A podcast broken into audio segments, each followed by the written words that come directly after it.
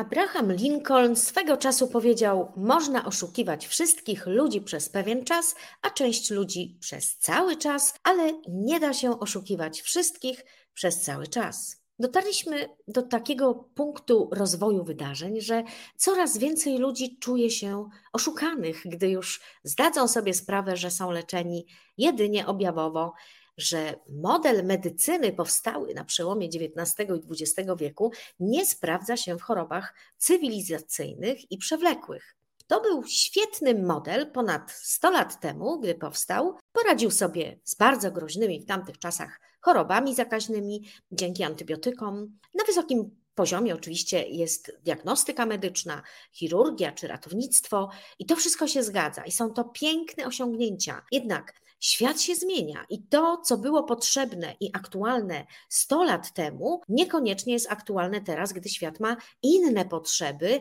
i inne wyzwania. A największym wyzwaniem dzisiaj są choroby przewlekłe, choroby degeneracyjne, tak zwane choroby cywilizacyjne. I tutaj, na tym polu, ten stuletni, ponad stuletni model medycyny nie tylko się nie sprawdza, ale jeszcze nie chce się do tego przyznać chowając głowę w piasek i ukrywając swoją niemoc pod takimi określeniami jak przyczyna choroby nie została jeszcze poznana. Każdy z nas na obecną chwilę ma w rodzinie kogoś lub zna kogoś, kto padł ofiarą objawowego traktowania chorób oraz określeń takich jak ta choroba jest nieuleczalna albo trzeba będzie brać leki do końca życia. Trudno czasami potem przekonać takiego pacjenta, że jeśli zacznie nad sobą pracować, to ma spore szanse, by organizm kroczek po kroczku, stopniowo wrócił do równowagi i się uzdrowił. Niestety przyzwyczajenie do magicznych pigułek działających natychmiast i usuwających objawy sprawia, że oczekujemy bardzo szybkiej, niemal natychmiastowej poprawy, także gdy stosujemy metody naturalne. Ludzie nie potrafią zrozumieć, że jeśli pracowali na swoją chorobę przez całe miesiące, lata czy nawet dekady, to odzyskanie zdrowia również musi zająć trochę czasu. A my dzisiaj chcemy wszystko szybko, na już i to najlepiej jeszcze bez żadnego wysiłku. Jednak natury nie da się oszukać, a kto łamie jej odwieczne prawa, ten prędzej czy później będzie musiał zapłacić za to swoją cenę. Tak właśnie się dzieje z chorobami degeneracyjnymi, bo my na nie pracujemy bardzo długo. One nigdy nie powstają z dnia na dzień. A ponieważ wynikają one najczęściej ze stylu życia, dlatego właśnie są przez medycynę akademicką nieuleczalne. Nie ma bowiem żadnych tabletek, aby naprawić czyjś styl życia. Dzisiaj lekarz ma przeciętnie 7 minut na jednego pacjenta, podczas gdy w starym modelu medycyny lekarz bardzo często po prostu przychodził do domu pacjenta i prowadził z nim bardzo długi i szczegółowy wywiad. Pytał, co je i pije, w jakich warunkach śpi, czy wychodzi na słońce, sprawdzał, czy w domu nie ma pleśni albo grzyba na ścianie. Dzisiaj żaden lekarz już tego nie robi. Cyk, recepta na tabletki i następny proszę, bo za tym pacjentem jest jeszcze cała kolejka następnych. I nikt się nie zastanawia, co takiego mamy w środowisku, jedzeniu czy stylu życia, co nam tak taśmowo tych pacjentów produkuje, że aż NFZ nie nadąża, a na wizytę u lekarza wielu specjalności czeka się miesiącami czy latami co takiego musiało się stać na przestrzeni ostatnich stu lat, że z empatycznej opieki lekarskiej skoncentrowanej na chorym człowieku, system medyczny został przemieniony na jakiś groteskowy automat pomyślany jako taśmowa obsługa chorych po 7 minut na głowę. Chorób degeneracyjnych nie leczy się w zasadzie wcale. To znaczy, niby pacjent jakieś tabletki dostaje, ale tak naprawdę żadnych wielkich rzeczy one nie robią, a nawet gorzej powodują efekty uboczne, czasem gorsze niż sama choroba. Więc nie można tego nawet nazwać leczeniem, choć taką oficjalnie nosi nazwę.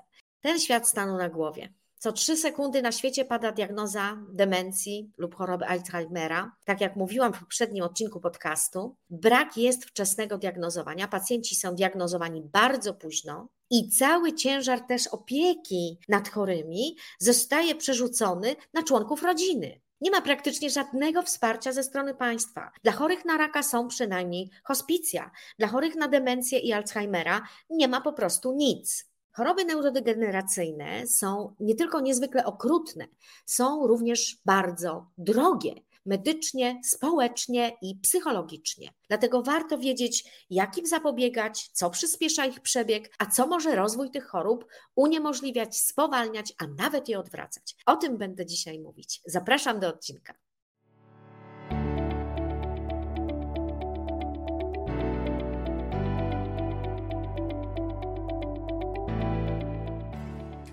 Cześć, słuchasz podcastu Okiem Naturopaty. Nazywam się Marlena Bandari, wspieram kobiety w osiąganiu pełni zdrowia, dobrostanu i witalności, aby mogły doświadczać życia opartego na jedności ciała, umysłu i ducha.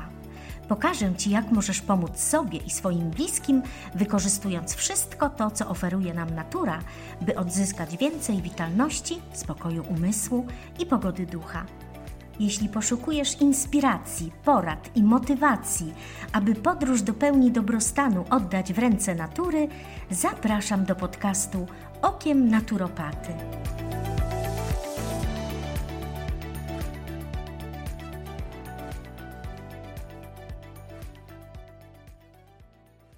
Wspominałam już o tym, że w lipcu poprowadzę warsztaty o tym, jak zachować sprawny mózg. Warsztaty odbędą się już w przyszłym tygodniu, a już jutro wyślę informacje o warsztatach do subskrybentów mojego newslettera, także trzymajcie oko na swoją skrzynkę mailową, bo będzie się działo. Na pewno nigdzie indziej nie usłyszycie tej wiedzy na temat utrzymania sprawnego mózgu aż do późnych lat. Wyjaśnimy sobie wiele spraw, obalimy wiele mitów, jak na przykład ten, że e, powodem choroby Alzheimera jest e, blaszka amyloidowa. Każdy z nas to chyba słyszał, prawda? To prawda, że te złogi amyloidowe na pewno występują u chorych, ale nie są bezpośrednią przyczyną choroby, dlatego że złogi blaszki amyloidowej stwierdzono także u ludzi mających bardzo dobre funkcje kognitywne. Mieli blaszkę, a nie zachorowali nigdy. I powiedzmy sobie szczerze, teoria blaszki amyloidowej to tylko hipoteza i to w dodatku nie za bardzo trzymająca się kupy wobec dowodów naukowych. Problem jednak w tym, że badania nad Alzheimerem są w rękach gigantów tej branży i dostają oni bardzo dużo pieniędzy na badania. Ale tylko i wyłącznie na badania nad blaszką amyloidową. Jeśli na horyzoncie pojawi się ktoś, kto odkrył, że w grę wchodzi może jeszcze coś innego niż tylko same złogi amyloidu lub białka tau, to żadnych grantów na dalsze badania nie otrzyma, ponieważ o tym, kto dostanie pieniądze na badania, a kto nie, decydują giganci tej branży. Jeśli w hipotezie badań nie ma świętej blaszki amyloidowej, no to niestety to kasy na badania jednym słowem nie będzie. I widzimy, że tak naprawdę w grę wchodzą pieniądze, wchodzą uprzedzenia, a także interesy firm farmaceutycznych. Także tu wcale nikomu nie, nie zależy, tu nie chodzi o dotarcie do prawdy. A prawda jest taka, że blaszka nie jest przyczyną, może pogarszać stan chorego, ale nie jest przyczyną. W mózgu pojawiają się różne zmiany jeszcze zanim pojawi się blaszka. Mało tego, wielu ludzi, tak jak wspomniałam, posiada złogi tej blaszki i jednocześnie cieszy się doskonałymi funkcjami kognitywnymi. Mamy więc jakby już wiele danych naukowych, ale nie ma jeszcze zmiany paradygmatu. To trochę jak, e, tak jak z tym słynnym już oszustwem cholesterolowym i upieraniem się przez całe dekady, że cholesterol jest przyczyną miażdżycy, więc należy leczyć cholesterol, tak? Leczyć oczywiście w cudzysłowie. Zostało to już dawno obalone naukowo, a mimo to nadal na całym świecie leczy się wysoki cholesterol. I zapisuje się setki tysięcy opakowań statyn, czyli leków na cholesterol. Biznes się kręci. W przypadku leków na demencję i Alzheimera skupiają się one na redukcji blaszki amyloidowej i dalej biznes się kręci. Podobnie jest nawet z rafinowanymi olejami spożywczymi zatruwającymi ludzi. Już dawno organy nadzoru, takie jak FDA w Stanach czy EFSA w Europie, stwierdziły, że takie przetworzone tłuszcze mogą mieć rakotwórcze działanie. I co? I nic, nadal są w sprzedaży, korzysta z nich przemysł spożywczy, korzysta gastronomia, korzystają cateringi czy placówki zbiorowego żywienia. I gdzie się nie obrócisz, tam nie masz po prostu szans zjeść czegoś, co by nie zawierało rafinowanego, przetworzonego przemysłowo oleju. To nic, że rakotwórcze, prawda? Najważniejsze, by biznes się kręcił. A tłuszcze są bardzo ważne dla mózgu, bo choć w dużej mierze składa się on z wody, to jednak zawiera on także dużo tłuszczu. I szczególnie ważne są kwasy omega-3. Bardzo wiele osób dzisiaj cierpi na ich deficyt. Co naukowcy powiązali z demencją i Alzheimerem? Otóż na pewno starzenie się u osób w wieku powyżej 75 roku życia częściej pada diagnoza, aczkolwiek niestety chorują coraz młodsi, nawet w okolicach 40. Co jeszcze powiązali? Stany zapalne, infekcje, szczególnie cztery takie drobnoustroje, o których właśnie będę mówić na warsztatach. Y, metale ciężkie, jak aluminium i rtęć, y, a także toksyny środowiskowe, jak pestycydy czy herbicydy. I to jest bardzo ważne, dlatego że my mamy w naszym ustroju jak gdyby cztery części układu odpornościowego. Jeden mamy w jelitach, drugi mamy w wątrobie, trzeci we krwi i czwarty właśnie w mózgu. Mózg ma swój własny układ odpornościowy, tak zwane komórki mikrogleju, czyli specyficzne makrofagi kontrolujące homeostazę, czyli równowagę w mózgu. I za każdym razem, kiedy mózg ma do czynienia z czynnikami szkodliwymi, aktywowane są właśnie te makrofagi w mózgu, te komórki mikrogleju. Na szczęście w naturze mamy wiele różnych substancji, które są w stanie wyciszyć aktywność mikrogleju. Kurkumina z kurkumy, kwercetyna z cebuli i jabłek, bajkalina z tarczycy bajkalskiej. EGCG z zielonej herbaty, resveratrol z winogron, sylimaryna z ostropestu plamistego i wiele innych. Nawet borówki, Teraz jest na nie sezon, więc jedzmy je po prostu ile się da, póki mamy świeżo zebrane nasze krajowe borówki, bo te owoce, jak wykazały badania, skutecznie odwracają procesy starzenia się mózgu. Nie tylko spowalniają, ale wręcz odwracają. Tak więc cieszmy się borówkami, póki jest sezon, dobre nie tylko dla oczu, ale i dla naszego mózgu. I takich substancji ochronnych jest naprawdę dużo. Będę o nich mówić na warsztatach, co jeść, by chronić mózg, jak chronić szczelność bariery krew-mózg, jakie czynniki należy brać pod uwagę, by e, zachować sprawność mózgu na zawsze, a nie tylko wtedy, kiedy jesteśmy jeszcze młodzi. Jest to jak najbardziej możliwe i powiem więcej, nawet jeśli padnie diagnoza, to nie jest to wyrok śmierci, ponieważ mózg z uwagi na neuroplastyczność ma e, bardzo duże możliwości regeneracyjne. Trzeba jednak wiedzieć, co robić, aby po pierwsze nie dolewać oliwy do ognia, lecz wręcz przeciwnie, wyciszać ogień stanu zapalnego. Po drugie, usunąć ofensywne czynniki i po trzecie, pozwolić na odbudowę i regenerację i wspierać ją odpowiednimi metodami. Będę mówić o związku między sprawnością mózgu a chorobami serca i układu krążenia, chorobami autoimmunologicznymi, chorobami oczu, a związku, też o związku zdrowia jamy ustnej ze zdrowiem mózgu, o związku między zaburzeniami hormonalnymi, ze sprawnością mózgu. Bardzo ciekawe tematy, po prostu trzeba to wiedzieć.